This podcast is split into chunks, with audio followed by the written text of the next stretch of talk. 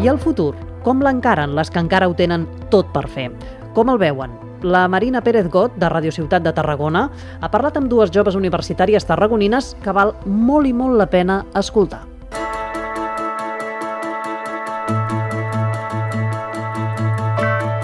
Estem amb la Laia Font Monegal i la Maria Fons Forcadell per parlar de feminismes. Eh, començarem preguntant una pregunta molt bàsica. Què és per vosaltres el feminisme? És la lluita eh, per la igualtat, mm, sobretot la de les dones, però ara mateix jo crec que no hi ha una definició única. Hi ha moltes persones que estan qüestionant què és el feminisme, d'on ve aquesta opressió, com lluitar contra ella, de maneres molt diferents que es contraposen les unes amb les altres. Uh -huh, no sé si ho veus igual, Laia. Eh, sí, entenc el que diu la Maria. El feminisme és difícil donar-li una definició ara. De fet, hi ha moltes persones que es defineixen com a feministes, però si preguntem a un grup de persones què és, cadascuna ens donarà una resposta diferent, probablement. Com creieu que ha avançat al llarg dels anys? Perquè ara um, estàveu parlant que és un moment que costa definir-ho. Com veieu que ha avançat?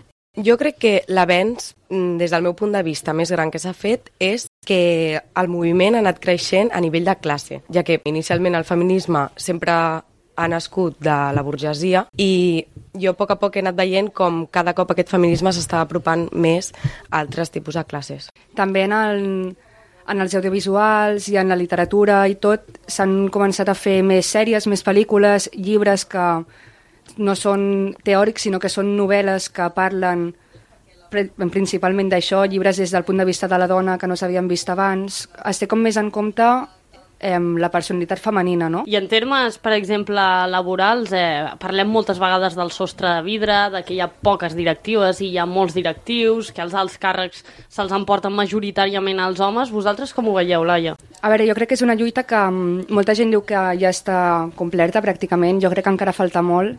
Encara ens costa trobar directores de cinema dones, per exemple, n'hi ha molts més que són homes i en tots els àmbits, això. Jo veig que cal un anàlisi profund per veure d'on realment ve tot i aclarir una mica, perquè és això, com deia abans, hi ha diferents vessants ara mateix del feminisme i si tu això li preguntes a una feminista liberal et dirà que això no passa i que és per altres raons i no pel masclisme. En canvi, si li preguntes a una altra feminista et dirà doncs, que això té una arrel cultural, que sí que s'hauria de canviar. I tenim prou consciència? Se'n parla de la manera que se n'hauria de parlar, Laia? Això, com tot el que estem dient, depèn molt de la persona que li preguntis, no? Les xarxes han fet molt en aquest sentit. També és veritat que les xarxes hi ha molta gent jove, molt, molta més gent jove que, que gent gran, no? Que potser és la gent que més difereix amb les opinions de tots els tipus de feminismes que hi ha. I sobretot, jo crec que calen espais reals on debatre i difondre el moviment, mm -hmm. perquè les xarxes han fet molt, però és això, entre la gent jove i tal. Calen espais per als nens més petits, joves, la gent gran.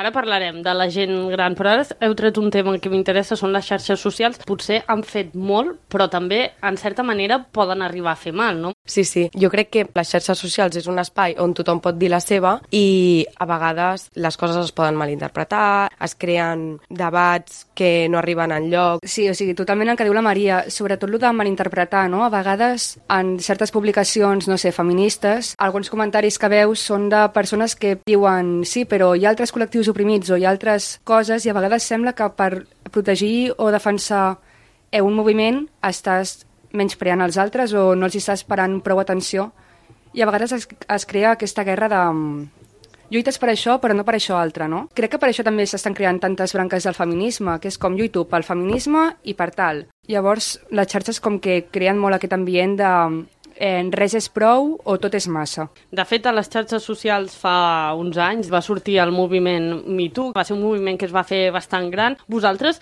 us heu trobat mai amb problemes o amb episodis pel fet de ser dones, Laia? Com totes, si ens hi posem a pensar, més del que en som conscients realment. Jo en recordo un de particular de quan era bastant més petita, que havia agafat l'autobús. No era de nit, però era fosc perquè era hivern, i sí, sí, em, em va acusar un senyor. I no va passar res sexual, però sí que em vaig sentir molt, molt acusada. Tu, Maria? Eh, el meu és similar al, cas de la Laia, no m'ha passat mai realment cap eh, episodi així, però sí que sento que visc amb aquesta por molts cops, sobretot ara, per exemple, vaig anar a viure a Barcelona, no sé per on puc passar, per on no, quins llocs són segurs. Llavors va ser quan realment em vaig donar compte d'aquesta inseguretat i vaig pensar, hosti, si jo fos un home, potser això no m'estaria passant, potser ara estaria anant a comprar el pa tranquil·lament i ara sento aquesta por al passar per aquí i això no hauria d'estar passant. Abans eh, parlàveu de la gent més gran i del moviment feminista.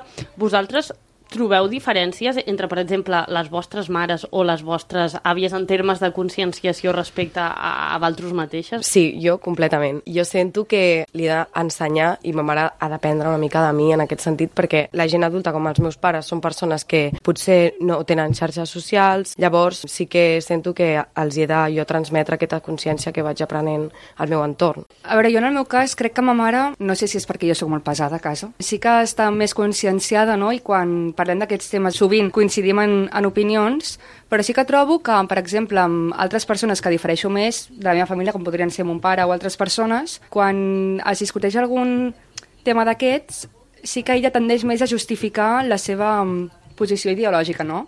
Com, és que és més gran, és que és la seva educació, tal, i és com que treu pes quan realment el que jo crec és que s'hauria d'admetre això, dic, sí, és com tan educat, és perquè tens aquesta edat, però hem de fer un treball de deconstrucció igualment, independentment de quin sigui el teu gènere i la teva edat i el context històric social on t'hagis creat. Ja per anar acabant, com veieu vosaltres el futur en aquest sentit? Jo el veig una mica incert. Crec que s'han de treballar moltes coses, crec que hi haurà bastantes discussions, bastants debats interns sobre què és el feminisme, què no, i que falta, com ha dit la Maria abans, molt treball, sobretot en l'educació. Jo espero que a través de, del debat i de treballar més les diverses opinions, arribar a homogenitzar una mica més el moviment, perquè ara mateix uh -huh. està molt dividit i trobo que, tal com estem, poc es pot fer.